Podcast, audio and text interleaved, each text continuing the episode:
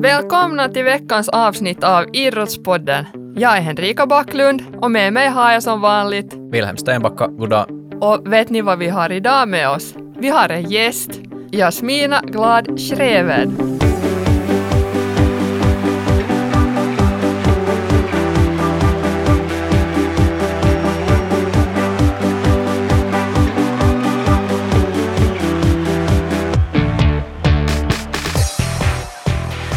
Dagens ämne så är en tidig elitsatsning och vad som är vägen till framgång.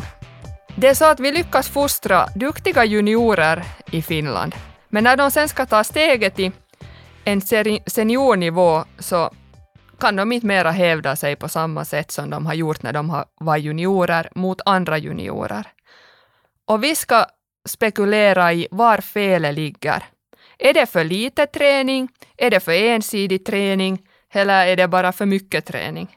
Vi har en sån här modell i användning i Finland som den kallas också för Erikssons modell. Och enligt den så sägs det att man ska träna 10 000 timmar av en specifik gren för att nå toppen. Den här modellen så den har egentligen kommit från musikutövande, men anpassas ändå på idrotten. Det här betyder ju då att man måste börja samla på sig de här timmarna i en ganska tidig ålder för att då hinna nå toppen om man vill nå dit. Och sysslar man med junioridrott så då ges det ofta en träningsmängd som man ska utöva i veckan. Och utövande av andra grenar så kan också till och med förbjudas för att det ska vara så grenspecifikt som möjligt. Är det här den optimala vägen till framgång i idrott? Det är det som vi ska diskutera och därför som vi har bjudit in Jasmina. Hon är en före detta häcklöperska, Ironman-triatlet och nu för tiden så är hon en av Finlands bästa utövare av swimrun som hon tävlar med i, tillsammans med sin man Thomas Schreven. Hon är utbildad magister i idrottsvetenskaper, har också en kandidat examen i folkhälsa. Hon har jobbat tidigare många år med antidopingarbete för WADA, och numera så är hon anställd av Internationella friidrottsförbundet och fortsätter att jobba med antidopingarbete internationellt. Hon är också utbildad friidrottstränare och numera aktiv inom många föreningars juniorverksamhet. Och dessutom så har hon också hunnit skaffa två barn. Och med oss så har vi ju också Stenbacka. Han är mannen som aldrig säger nej till en till. Alltså en intervall till. Ja, man kan aldrig säga nej när någon bjuder på ska vi ta ett lopp till eller ett varv till eller en tävling till. Så jag ställer upp och samma gäller idag. Ge mig en fråga, jag ställer upp, jag svarar. Bra, du får en fråga. För att komma in på ämnet så ställer jag första frågan. Hur tränar ni som barn? Och gästen får förstås börja. Eh, vi tränade mycket, men inte så att vi tänkte att vi tränar. Vi bara idrottade mycket. Och det var inte liksom ens fråga om vi skulle göra det. det var, vi gjorde det. Och det var mest mamma kanske som... Mamma var aktiv och hon var med på allt. Så vi hängde på. Men själv så har jag, jag dansade ballett i tio år och samtidigt spelade jag fotboll och jag, jag körde friidrott och lite karate och simning och testade allt, badminton och allt möjligt. Så att, uh, ja. Hur, fa hur fastnade du för häcklöpning sen till slut? För att jag hade bra teknik, men jag var inte liksom, så snabb så jag skulle kunna köra sprint. Uh, kunde inte kasta så jättemycket heller, men uh, jag tyckte att häcklöpning var ju spännande. För då har man, en, liksom, man har små etapper hela tiden, så man måste fokusera på någonting. Det är inte bara att springa liksom, sådana flat och, eh, det finns olika momenter i det och mm, väldigt liksom, alltså krävande på, på ett sätt. Men, eh, så det var, ja, men mest för att jag hade bra teknik för det, tror jag. Okej, okay. ja. du, du hade förutsättningarna. Ja, precis. Vad höll du Stenbacka på med som barn? Som barn så ville man ju alltid tävla eller spela match. Uh, egen innebandybakgrund, jag minns det egentligen från riktigt tidiga år. I vårt lag så hade vi en sån här ett upplägg där första halvan av träningarna var, var träningar, alltså passningar, skott och så vidare. Och andra halvan var match eller spel. Och det var ganska bra så här att, att man kunde alltid vänta till halva så slapp man och, och ha match där uh, inom laget då. På veckosluten var det ju då på riktigt match med spelskjorta på. Det var, det var alltid lite extra nice. Uh, på fritiden så, jag sa att jag gillar att alltid tävla, så att med systern var vi på sommaren på friidrottsplan, drog sån där 20-30 tävlingar, ni vet, hopp, kastgrenar, sprinterlöp, allting. Sen har jag, har jag också minnen av att vi var skida några kvällar i veckan med min pappa och där var det så där att ja, vi slog skidorna på, vi började men efter en kilometer så var det så att jag for fullt och så vid fem eller åtta kilometer så var, var man slut och då var det att fara hem. Så det var, inte var det så mycket tanke där men att man gjorde ju så som, så som laget gjorde, gjorde man i lagsporten och så sen på egen tid så fick man ju själv spela den matchen eller ta den tävling som kändes just då intressant. Och, och det var roligt. Klart det var roligt. Ja. Men nog förstod jag alltid det där också i, i innebandyn att varför vi tränar.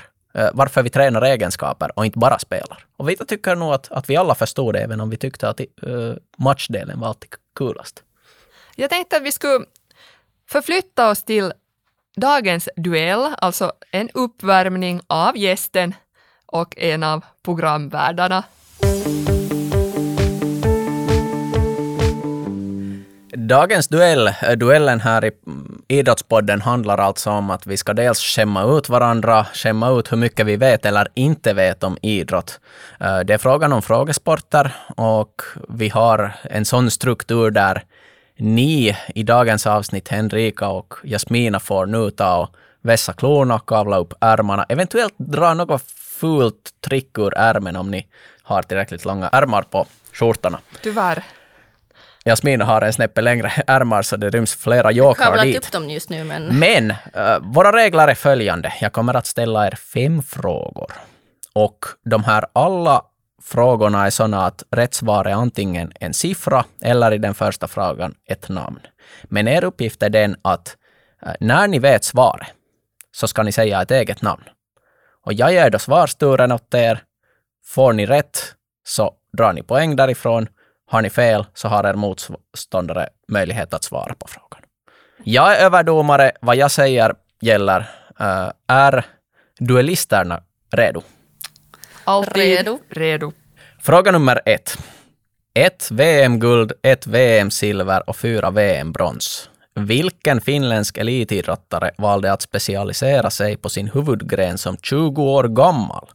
Ett beslut som förutom ovan har gett 85 podiumplatser i världskuppen, varav 27 vinster och tre totala världscupsvinster. Henrika. Henrika. Kaisa Mäkäräinen. Oikein. Jep!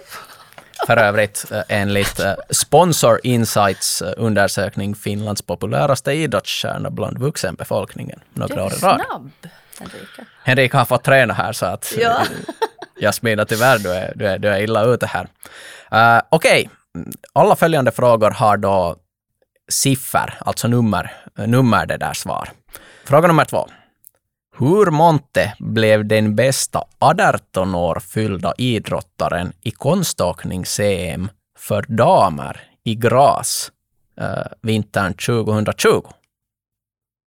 Vilken placering tog den bästa över 18-åriga idrottaren?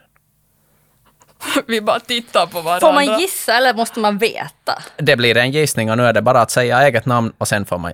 Jasmina. muntra. Jasmina. Sjätte. Det är inte sjätte. Henrika. Henrik. Fjärde. Fjärde är korrekt. Ale- Yeah. 2-0 ställningen. Alexia Paganini, Schweiz, 18 år fyllda, blev fjärde. Topp trean hade åldern 16, 15 och 15.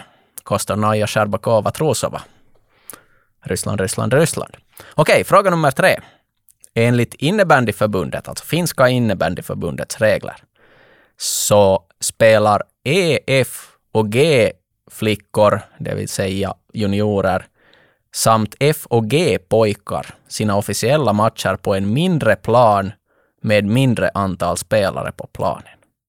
Hur många spelare plus målvakt är på planen i dessa åldersklasser? Henrika. Henrika. Ett plus fem. Fel. Jasmina, kontra. Ett plus sex. Fel. Noll och noll. Tyvärr. Det är fyra spelare på plan och en målvakt. Men jag sa, ah, jag sa ett Ja, plus fem. precis. Ja. Ett plus fem är ju normala Får man på gå full hem plan. nu? Det här är pinsamt. Jag vet, jag vet, men jag, jag utsätts för det här varje avsnitt, Jasmina. Okej. Ja. Och ändå sitter hon här ändå. Det är någonting, någonting som drar tillbaka till den här skamsitsen. ja, det kanske är det. Idrottspoddens duell fortsätter. Nu är det ju så att, att Henrika leder 2-0 och, och, det betyder att Jasmina måste ju nu dra upp Ja, sig men till jag är så 2-2. gammal så jag behöver lite mer tid för att värma upp mig. Så. Ja, no, men det är bra att När jag komma kommer igång. igång så Men det är jag- bra vi har fem frågor Ja, då är sammanlagt. jag diesel. All ja. right. Kör. Hur många OS-medaljörer har tagit OS-medalj i både sommar och vinter-OS-grenar genom historien? Gäller det också para-olympiska spelen? Nej. Okej. Jag specificerar så mycket att inga showgrenar utan officiella OS-grenar. Vem, eller hur många har tagit medalj i både sommar och vinter-OS-grenar? Vi söker efter en siffra. Alltså, man får inga alternativ. Nej, Nej. för man ska veta va? Henrika, Henrika. två. Det är inte två. Alltså, Jasmina. finska eller Internationellt. internationellt? Nej, det är fler. Det är fler. Jag skulle säga sex. Det låter som en bra siffra idag. Rätt svar är fem. Och eftersom Jasmina, du var närmare, du får en poäng för det här. Åh, tack så mycket. Det var en snäppe frå- svårare fråga än innebandyplanen. Det är fem OS-medaljörer och en av dem har varit på 2000-talet. Lauren Williams, USA. Sprinter och bobsleigh. Bobsleigh. Ja, den, den visste jag. All right, sista frågan och nu blir det 2-2 så då är det jämnt spel men Henrika kan ännu ta hem det här. Ja, Äh. jag tror det. Sami Kalaja, bland annat före detta Kihus direktör, skriver i sin blogg om en eh, studie från eh, 2002 där 800 amerikanska OS-idrottare har undersökts. Undersökningen handlar om deras bakgrund från barndomen. Avrundat till närmaste hela årtal, i vilken ålder har dessa amerikanska OS-idrottare i genomsnitt påbörjat träning i sin huvudgren? Alltså, hur gammal var de i genomsnitt när de påbörjat tränandet av den gren de kom till OS i? Jasmin, Jasmina. 15. Det är inte 15. Henrika kan kontra nu. 13. 13. Rätt svar är 12. Henrika är närmare. Väldigt bra gissningar här. För pojkar ungefär jämna 12 år, flickor 11 och ett halvt. Det här betyder att vi har slutställning på 3-1. Henrika tar för andra gången på två dueller vinsten. Grattis. Jag tackar också Jasmina för väldigt bra deltagande.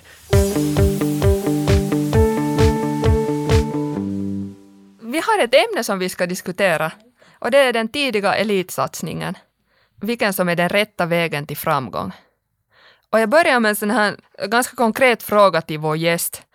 Du har två barn, Jasmina, de är sju år respektive fyra år.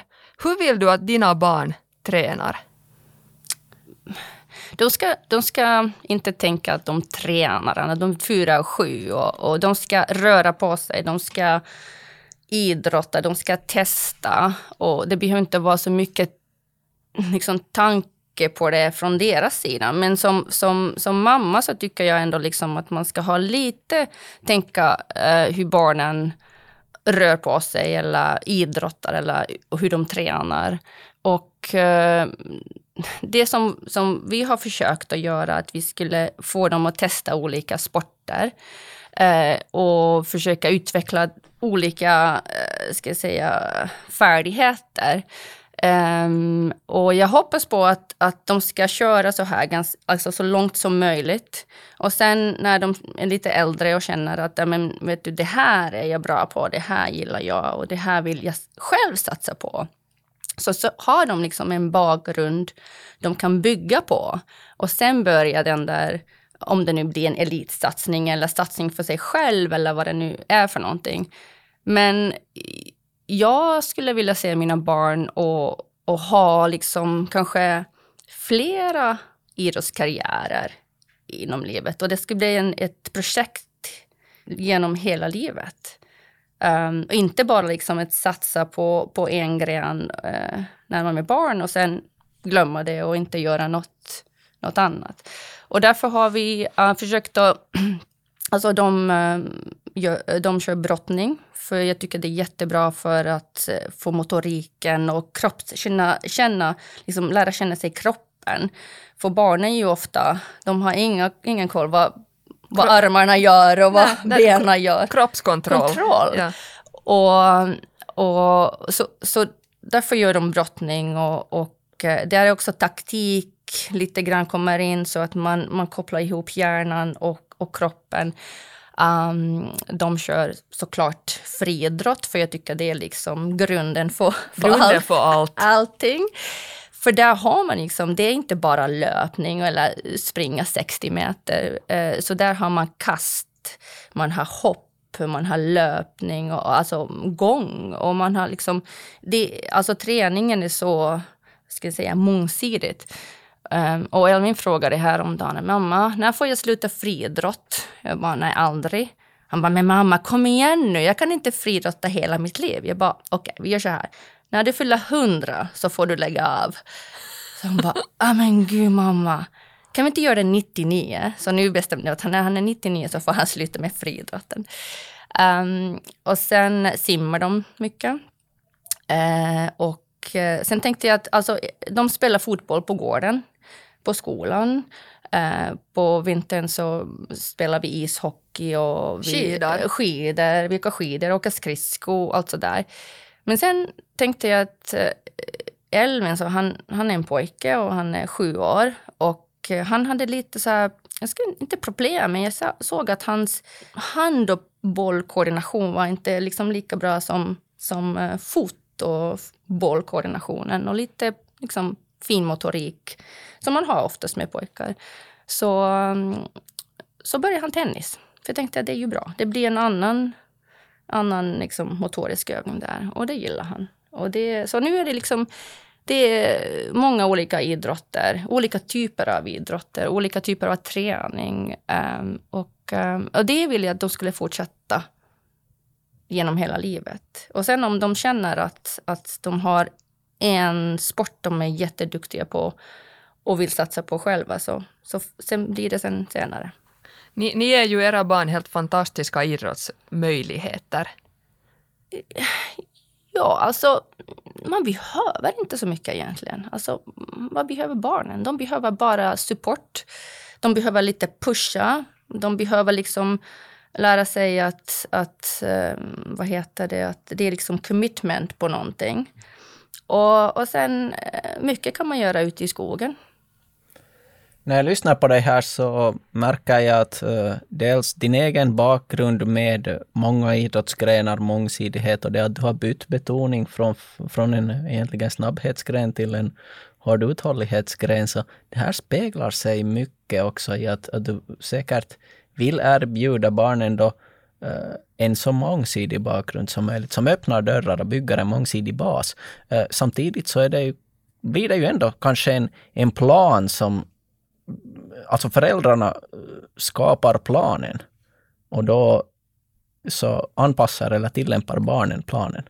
Så att i vilket skede tror du att barnen tar ansvar själv för att göra den där planen? När blir det aktuellt? När Elvin är 99 år gammal. Ja, precis. Då får han bestämma vad han ska göra själv. Mm. han får sluta med friidrotten då. Uh, ja, alltså, det, jag, jag, jag kan inte sätta på någon ålder på det, för det beror på, på individen också, som, som allt annat. Men uh, ja, det är svårt. Men jag, tror, jag, tror att, jag tror att där, vi ska säga när vi pratar 12, 13 13, 14 där någonstans. Så då, jag, skulle inte, jag skulle inte ge Elvin att liksom bestämma eh, bara en sport då. Då skulle vi kanske eh, ta bort några av dem som, som han har redan utvecklats. Alltså, man kanske inte behöver, han behöver inte fortsätta med brottningen när, när han är 13. För han har säkert inte den kroppen för det heller. Eller liksom den, uh, ska jag säga, de egenskaperna. egenskaperna kanske. Men jag skulle säga att där någonstans så, så börjar, liksom, börjar barnen och förstår vad de vill göra och vad de är bra på. Och då kan man liksom ge dem lite mer, eh, ska jag säga, de får välja inriktningen själv. Men jag skulle ändå hålla en eller två sporter där på bakgrunden till, till högre ålder. Vad om det där käraste inte är en sport eller en idrottsgren?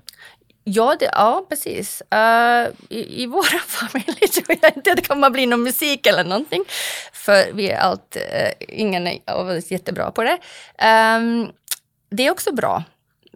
Men de, de, skulle, de jag, ty jag, tycker inte att man måste liksom välja bort någon. Ja, det utesluter inte Nej, det gör det inte. Jag annan tror, hobby. Nej, det tror jag inte. Absolut inte. Jag tror att det, det, det är ju bra. Um, om man tänker, alltså, om det blir musik, om han blir jätteintresserad av musiken till exempel. Nu är jag inte alls bra på musik, men där har man rytm. Där har man rytm. Och, och allt inom idrotten handlar om rytm också. Så jag, jag, jag tycker att de, går ihop um, också. Och sen blir han antingen en, en liksom, jätteduktig singer som kan köra lite, lite basketboll på vid sidan. Eller, Ja. Jag vet inte. Alltså det, jag tycker att vi fokuserar alldeles för mycket på, eh, på detaljer och vi fokuserar på, på en sport och vi fokuserar, fokuserar på den där OS-medaljen inom en, en sport. För vi måste komma ihåg att hur många är det som får en OS-medalj av alla de där duktiga som är där. Alltså det, det är 0,00000 någonting. Eh, men istället så, så skulle vi bygga upp volym för att vi får fler duktiga idrottare. Och sen av det så, så, så blir det några jätteduktiga. Men det tror jag att vi kommer dit om vi, om vi liksom låter barnen välja för tidigt. Vi kommer till exakt de här Ja. frågorna till och med redan i den här, det här avsnittet. Men det är exakt rätt som du säger. Vi har över 600 000 idrottsföreningsmedlemmar i Finland. Och så har vi, ja på en olympiad har vi, vad har vi, ett par hundra OS-idrottare. Så att absolut ganska liten andel. Det här, eh, jag tycker du, att du har sagt här för inte så länge sedan, så, så sa du ett konstaterande att Finland skulle ha mycket bättre fotbollsspelare om inte, inte de här fotbollsspelarna skulle ha gjort, om de skulle ha gjort någonting annat än att spela fotboll. Ja, alltså nu tog jag bara fotbollen. Jag vill inte liksom nämna ut fotbollen Nej. precis som, som, som en sport. Men, men det, det gäller ishockey eller det gäller liksom alla sporter. Men det är klart, alla barn vill spela fotboll. Precis, min son. Han ville spela fotboll typ ungefär två år sedan. Eh, för det är det man gör.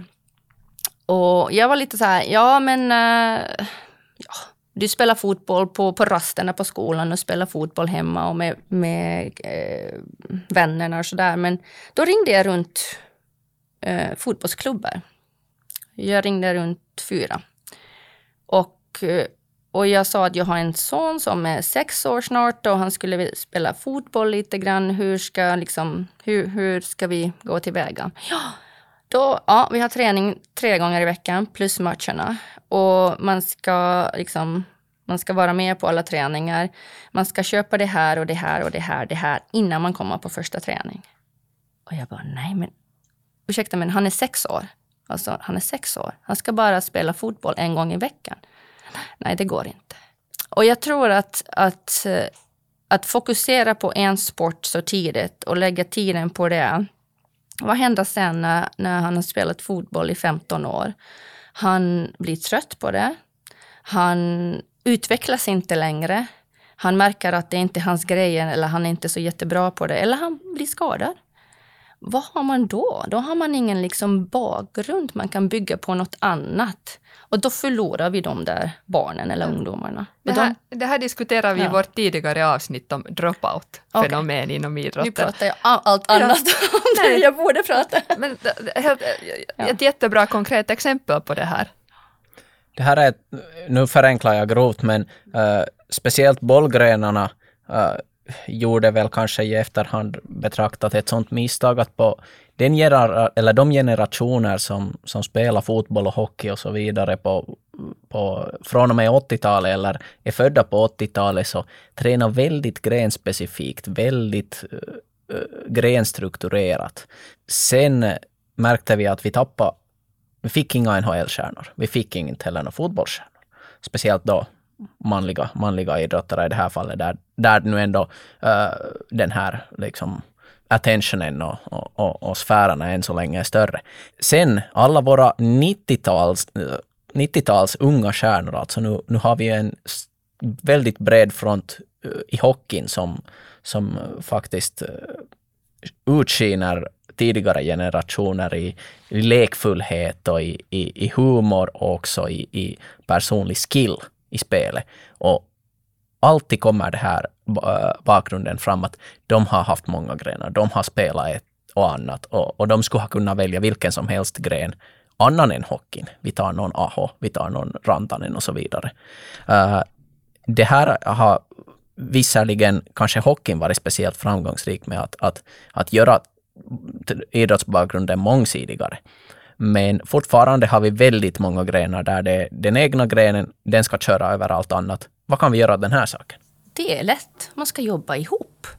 Det är men, lätt att säga här när vi sitter ja, i studion. Ja, det är lätt att säga. Men, men eh, om man bara sitter här och säger det, man, man måste göra någonting av det. Och det är inget rätt och fel och det är ingen liksom sån här magic recipe som, som, som ska lägga ut och det ska fungera. Man ska börja testa, man ska våga. Men jag, jag tror att vi kommer tillbaka till den här, lite sån här, den här finska kuppikunta-systemet som vi har inom allting och också inom barnidrotten som, som stör mig jättemycket. Ja, men jag har min sport, jag har mina träning. Ni kör det här som jag säger. Lyssna inte på dem. Men förresten, vad gör de då? Jaha, titta vad de gör. Alltså, men, men vi kör så här.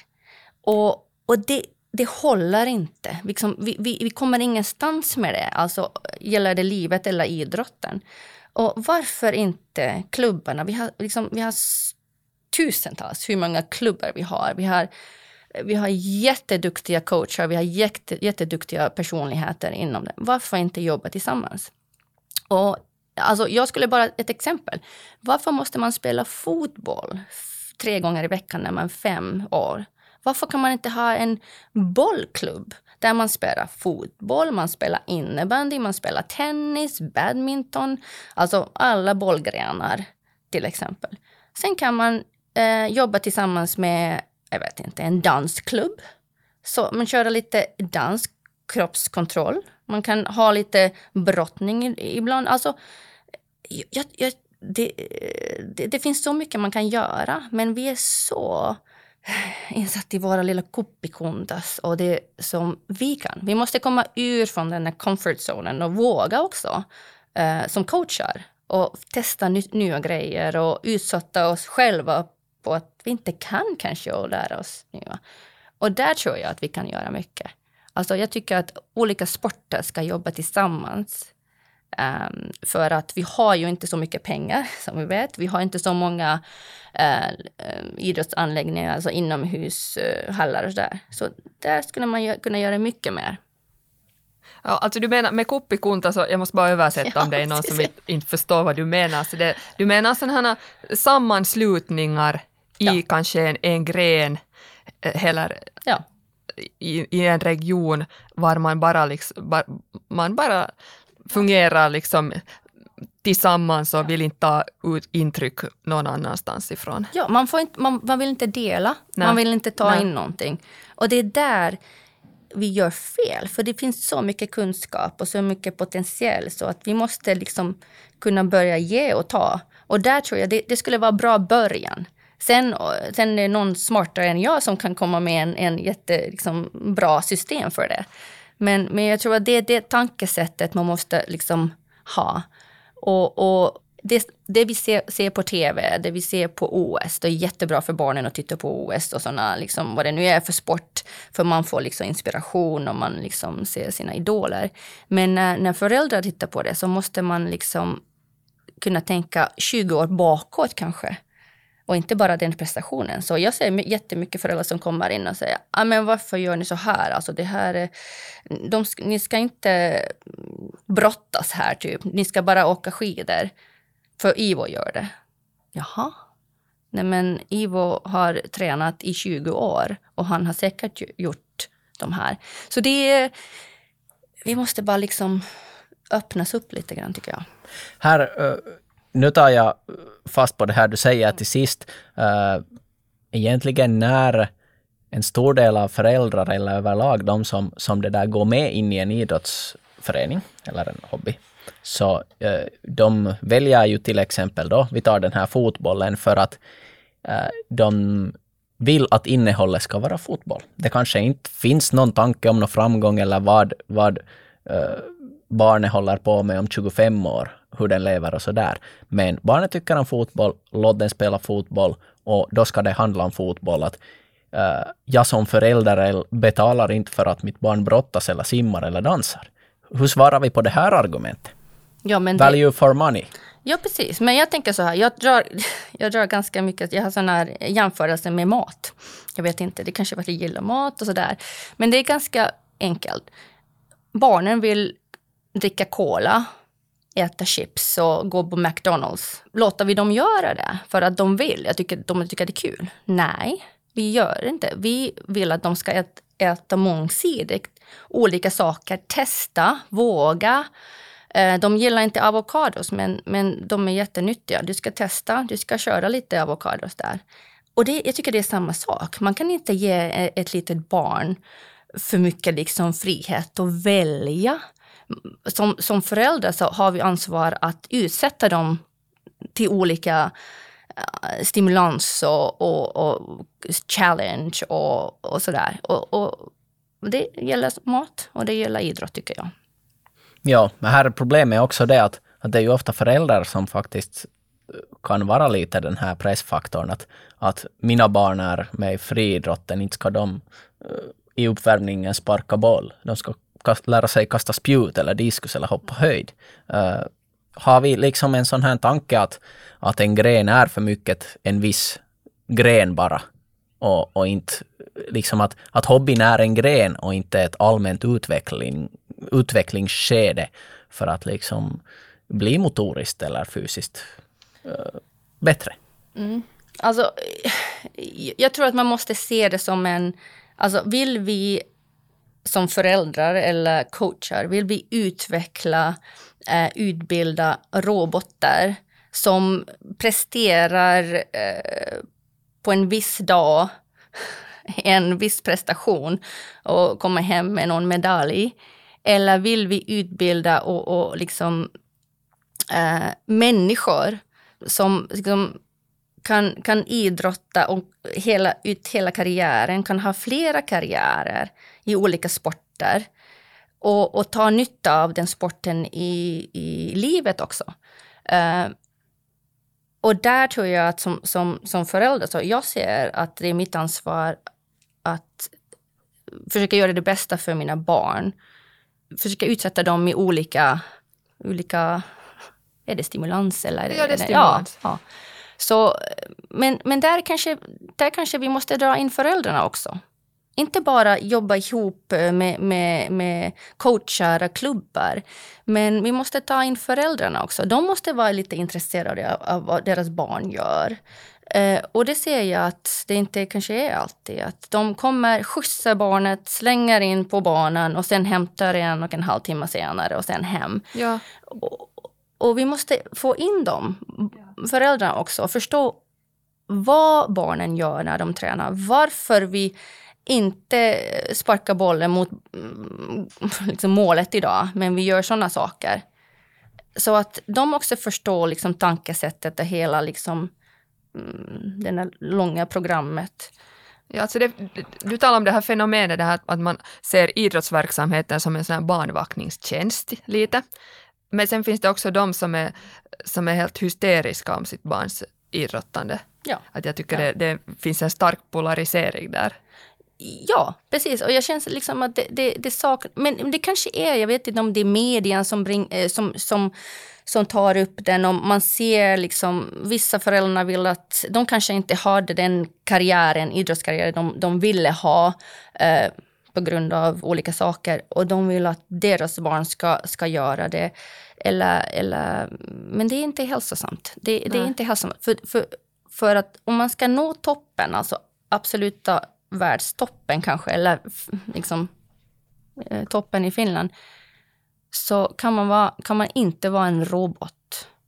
Man måste liksom man måste kunna förstå vad man gör. Man måste kunna reflektera. Man måste liksom sätta ihop hjärnan och kroppen.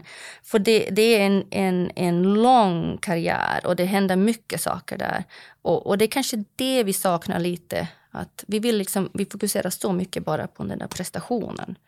Men, men det är liksom, den prestationen kommer inte om man inte har allt annat, annat i balans. I balans. Det här, eh, jag nämnde tidigare den här Ericssons modell med 10 000 timmar träning i en gren för att nå toppen.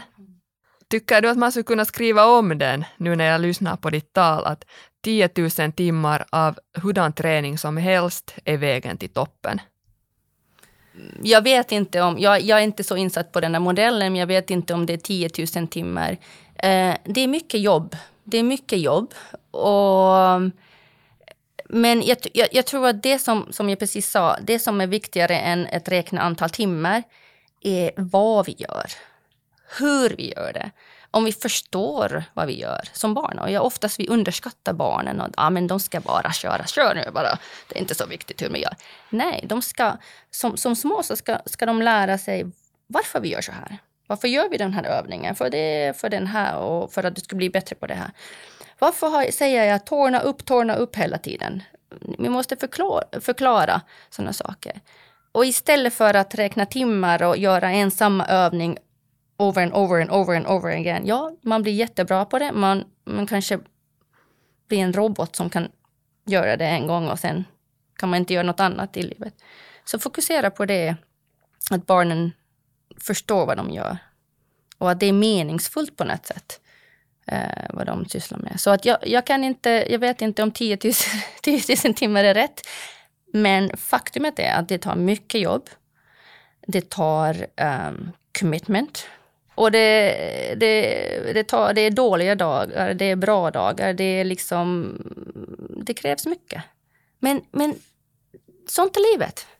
Det här som, alltså modellen i sig eh, handlar om 10 000 grenspecifika repetitions egentligen. Eh, här lite fun funderar vi kring det att du säger eh, här att, att det är viktigt att, att alla de här timmarna har en, har en mening och, och någonting liksom vad, det, vad man avser att utveckla med varje timme och att den här basen av timmarna är så mångsidig som möjligt.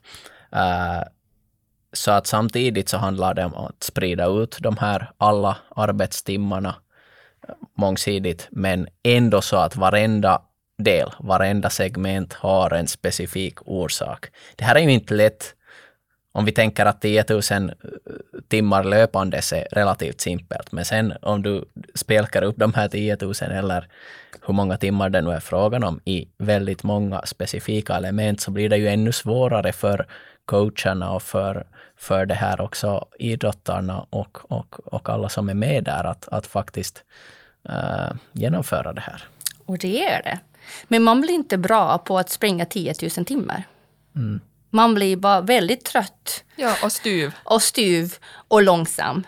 Eh, för, så, så, nu tar vi bara löpningen som ett exempel. Ja. Så ja, du kan springa 10 000 timmar, det kan man ja. nästan alla göra. Men att göra det med, med eh, rätt eh, speed. Rätt fart. Rätt fart på rätt tid, alltså rätt ålder.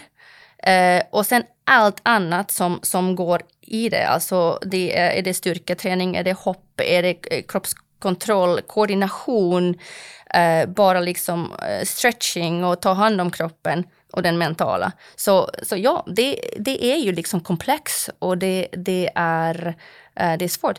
Men jag skulle inte fokusera på det så mycket när barnen är små. För jag tror att gör man en bra lägger man en bra grund och mångsidig grund om man övar eh, rätta saker på rätt tid så vad, vad blir det liksom? Man tränar två timmar om dag och har 10 000 timmar, vad blir det? Typ 15 år eller någonting sådär. Ja, så börjar man träna när man är 10 då, och sina 10 000 timmar. Så når man toppen där. Och se, såklart, alltså om man är gymnast så är karriären över när man är 15. Men då, då kan man byta till stavhopp. Jättebra! Second career. Mm. Uh, jag har lite liksom lagt sådana här frågor åt dig att, att uh, inte för att jag inte skulle hålla med dig, jag, jag håller om, väldigt starkt med om det här med mångsidig bakgrund och, och, att det faktiskt är jätteviktigt att man kan byta och flexa mellan grenar eller liksom helt ta någonting nytt. Och när man har de här mångsidiga färdigheterna så är det mycket lättare att dels njuta av det nya man väljer och dels komma in i det. Uh, jag kontrar ännu med en sån här liksom, uh, grej som kanske är speciellt viktig för eh, uh, sådana här skill sports. Vi tar skytte, vi tar tillämpade grenar som mitt kära skidskyttet. Det sägs att 10 000 repetitioner räcker för att du ska kunna på egen hand uh, i laboratorieförhållanden utföra saker och ting rätt. Det krävs 100 000 repetitions för att du ska kunna göra det i storm, i regn och under press. Den här typen av träningsdoktriner så styr ju ändå våra, våra liksom toppsatsande idrottare till att de faktiskt övar, övar, övar, övar på den där samma väldigt specifika färdigheten, sista skottet i stående.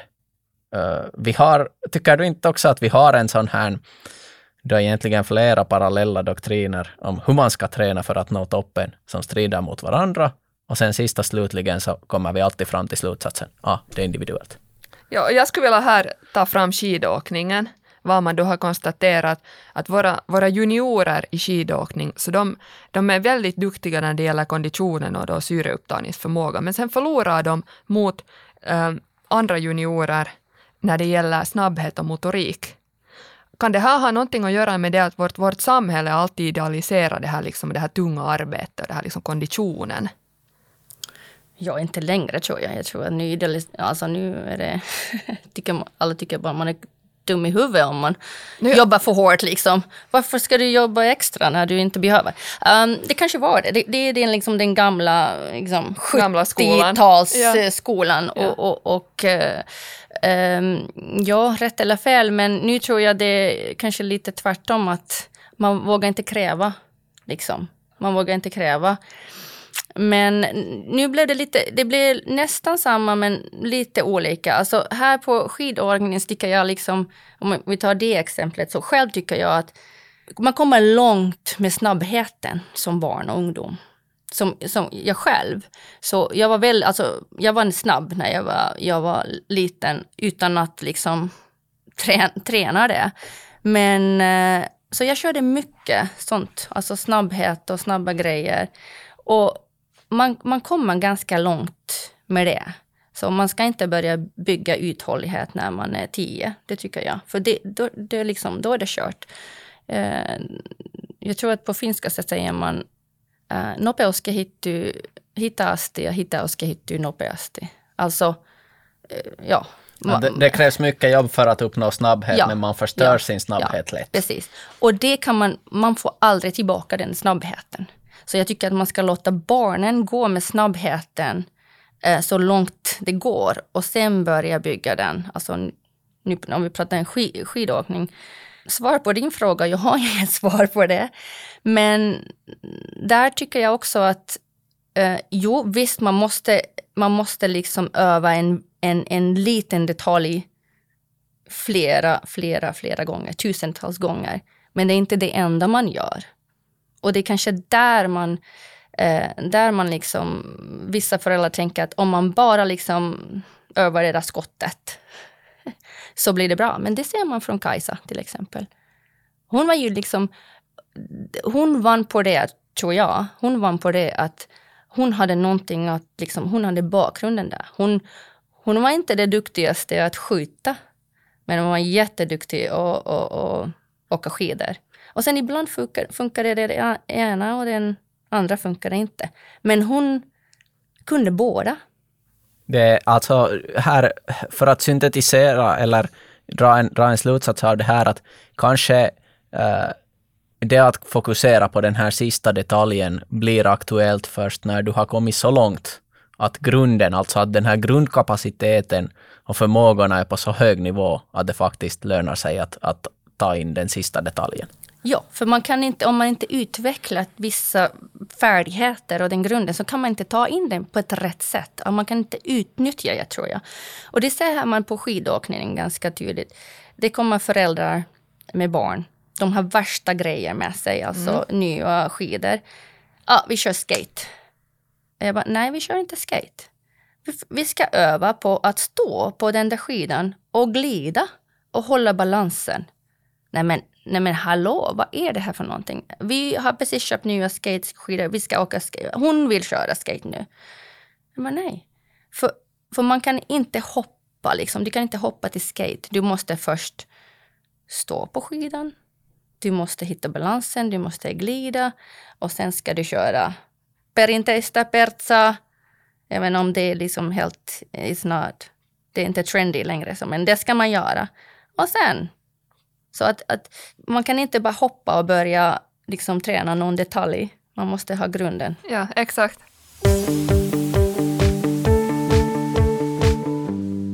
Sen går vi över till en, en annan myt och det är den här hur motoriska färdigheter utvecklas hos barn. Och man har länge trott att, det, att motoriken är helt, den är bara nedärvd, någonting som du inte kan påverka så mycket. Och då har sådana barn som är tidigt motoriskt utvecklade sätt som begåvade, medan de som utvecklas långsammare, så de har lite åsidosatts inom idrottsverksamheten. Och det här har ansetts vara en av de största orsakerna till att Finland går miste om många potentiella idrottsutövare, toppidrottare vad jag nu har lyssnat på dig så tror jag att du ser potential i att satsa mera på motoriska egenskaper i juniorträningen. Alla utvecklas olika. Mm. Alltså, och det gäller eh, skolvärlden också.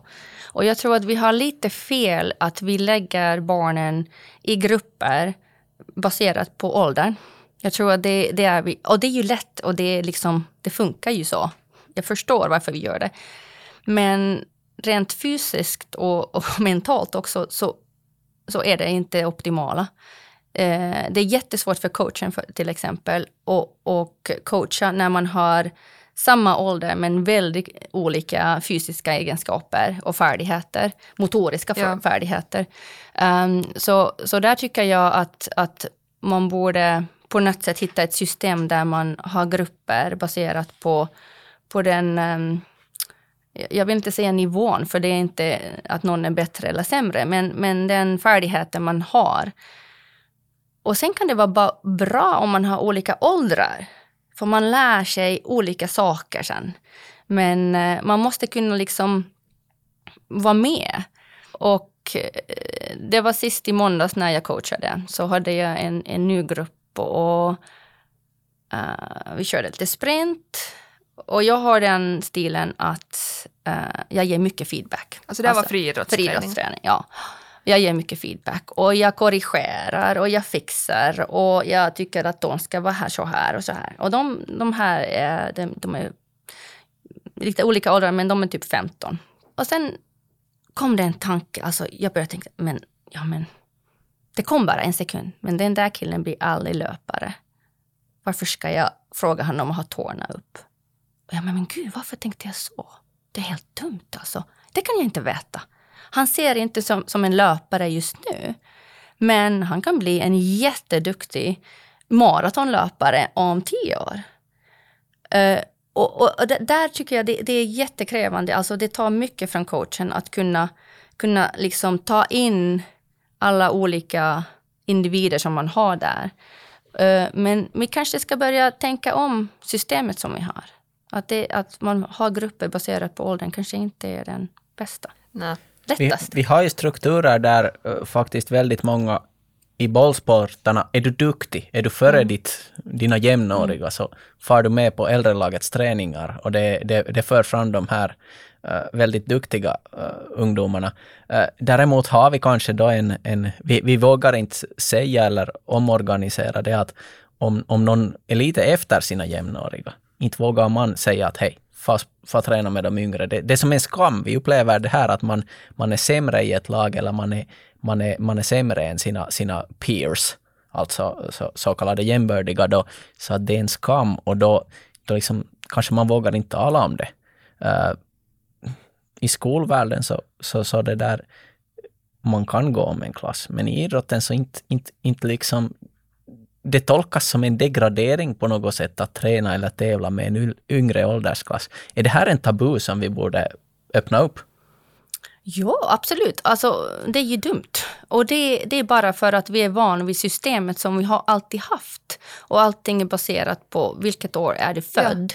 Ja. Och då kommer jag till den här uh, vad heter det, forskningsresultaten, mm. jättemånga forskningar, att toppidrottare är oftast födda i början av året. Ja, det kan stämma. Det kan stämma. Um, jag, jag, tror att liksom det, det är inte viktigt egentligen. Det ska inte vara viktigt när man är född. Och man ska inte, det är inte viktigt liksom vilket år man är född. Man, man måste, vi måste kunna liksom se på det här med nya ögon och, och, och våga liksom prova. Men där kommer det också att man måste kunna förklara. Om det är föräldrarna som nu ifrågasätter, men varför tränar mitt barn med åttaåringar, han är tio? För att det är bättre för honom. För, för han får mycket mer av det. Han blir duktigare. Eh, och det, det är bara liksom att alla utvecklas på olika sätt. Det är ju så. Liksom olika, ska, inte på samma, samma tid. Eh, men man måste börja prata om det. Och det är ju, det är ju något nytt som, som uh, folk inte gillar och det blir lite konstigt. Men det är för att vi, har, vi är van vid systemet som vi har. Ja, och där är det så, det är så ingrott också att, att det där uh, vi vågar inte ta det första steget. Skulle det vara allmännare med att vi flexar mera med grupperna och med åldrarna, så då skulle det ju vara lättare då att, att liksom, jag säger inte att ha en hisstrafik, men att ha en trafik där man växlar i vilken grupp man tränar. Uh, utgående från vilken grupp eh, är helhetsmässigt bäst. Ja, absolut. Och sen, sen det här det att mixa och blanda, det är ju jättebra. För man får olika stimulans. Man får, man får, man, man liksom får olika typer av coacher. Man utsätts på olika saker. Eh, vi har kört, eh, förra året så körde jag friidrottsträning för, för, eh, för vuxna bara liksom på skoj. Vi körde alla olika grenar, men vi körde inte, körde inte hel, själva grenen, men olika övningar runt omkring. Och sen hade vi barn med oss. Så de som kom och tränade hade barn. Och barnen kom och körde med oss. Och det var jättekul. Det var en som var 80 år och det var en som var 4 år och sen var det allt mittemellan. Och alla körde reaktioner. Och det var ju jättekul. Varför inte köra sånt också? Du har haft, du har haft helt enormt mycket gott som du har fört med dig i den här diskussionen. Bra insikter, också modiga insikter. Ja, ingen vetenskap, men, men det behöver inte alltid vara det. Det behöver inte alltid vara siffror och allt det där. Man måste liksom våga tänka utanför. Eh, och man måste liksom säga saker som, som man tycker, annars händer det ingenting. Nej. Sen är det alltid någon som tar illa upp, men det är helt okej. Okay. Och du börjar, du börjar med att säga att det ska vara roligt. Och det var du höll på med själv som liten så, så kunde du komma ihåg med glädje att allt var roligt. Ja, och roligt. Men man ska inte tro att roligt är att barnen får göra vad de vill. Nej, det är inte samma nej. sak. Det är inte samma. Det tar mycket av coachen att eh, komma upp med träningar som är, eh, som är... Det är inte alltid samma. Att man kommer upp med konstiga träningar, lite konstiga övningar och sådär. Men det är inte barnen som styr. Det är ändå coachen och föräldrarna som styr. Så det som barnen tycker är roligt kanske inte är det bästa. Nej. Men man kan göra det roligt ändå.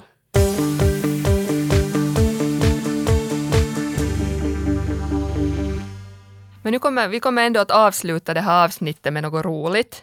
Eh, ni har lovat dela med er vad de roligaste träningarna är som ni har gjort på sista tiden. Vill du Stenbacka börja? Uthållighetsidrottare under social distancing. Det har inte blivit så många roliga träningar som jag skulle önska, men äh, jag måste väl nog köra med en intervallträning på skate på rullskidor från förra veckan som blev liksom inte roligare än planerat, men det blev tuffare än planerat och, och det kändes bra efteråt. Och, och det där, det att när jag körde fullt för en gångs skull, eller för, första gången på länge, så, så kommer jag ihåg vad det är som, som ger den där kicken i, i uthållighetsidrott. Eh, alltså det att man lägger, så att säga, sin, sin kapacitet på spel och, och, och det där. Uh, man kanske lite kroknar, men sen man klarar, kör det igenom och, och det där återhämtar sig och får den där bra, bra känslan efteråt. Kanske den här är närmast mitt hjärta. Okej. Okay. Vad har du Jasmina gjort för rolig träning på sistone? Ja, du, jag måste ta det. Du, du sa när vi började, du sa att uh, Stenbacka säger aldrig... Vad sa du? Tacka aldrig nej till nej en till. till en till. Så jag tar det. Så det blir en liten challenge för dig sen, kanske nästa år. Vi körde en sån här eh, uh, uppförsbacke-challenge, eh, uphill challenge här på våren. Så vi började i um, mars och började med 8 gånger 300 meter uppförsbacke.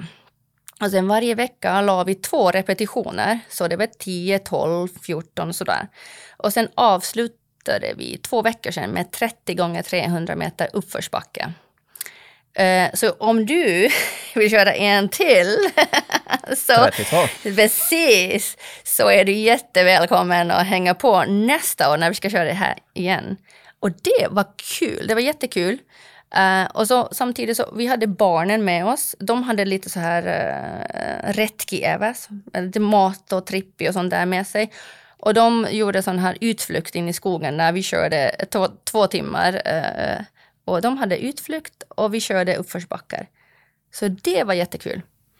Jag vill se den här träningen på Strava eller, eller motsvarande. Jag är absolut med. Lönar det sig för mig att börja vid 32 eller ska jag ta några uppvärmande sådana ja, pass men, på, på, på, på 10 eller 20 men, först. men du kan ju köra liksom 20, 20 kilometer först, för lite uppvärmning och sen ja, komma. Ja. Men du kan, också, alltså, du kan också börja med 32 och, och gå ner till 8. Men då måste man springa fortare. Ja. Mm. Det här, jag, tar, jag tar utmaningen, jag lovar, lovar direkt ställa upp Bra. på den här utmaningen. Ja, jag, måste, jag måste bara berätta min roliga träning. Vad är det? Uh, alltså nu, nu tycker jag när man inte egentligen har någon sån här, uh, specifik tävlingssäsong framför sig så man har ju inte kunnat göra något annat än roliga träningar tycker jag. Ja. Och uh, det var på söndagen så, så tog jag terrängcykeln och tänkte att jag skulle utmana mig själv för jag älskar att, att åka i terrängen med cykel, men jag är jättedålig på nedförsbackar. Alltså jag bara ligger på de där bromsarna hela tiden och är livrädd. Och när jag har tävlat med män i den här grenen så jag blir alltid efter i nedförsbackarna. Så tänkte jag att jag utmanar mig själv och min rädsla. Så jag tog mig till Stenbackavägen i norra Kyrkslätt, varifrån man kommer till den högsta punkten punkten i kommunen, heter Falkberget.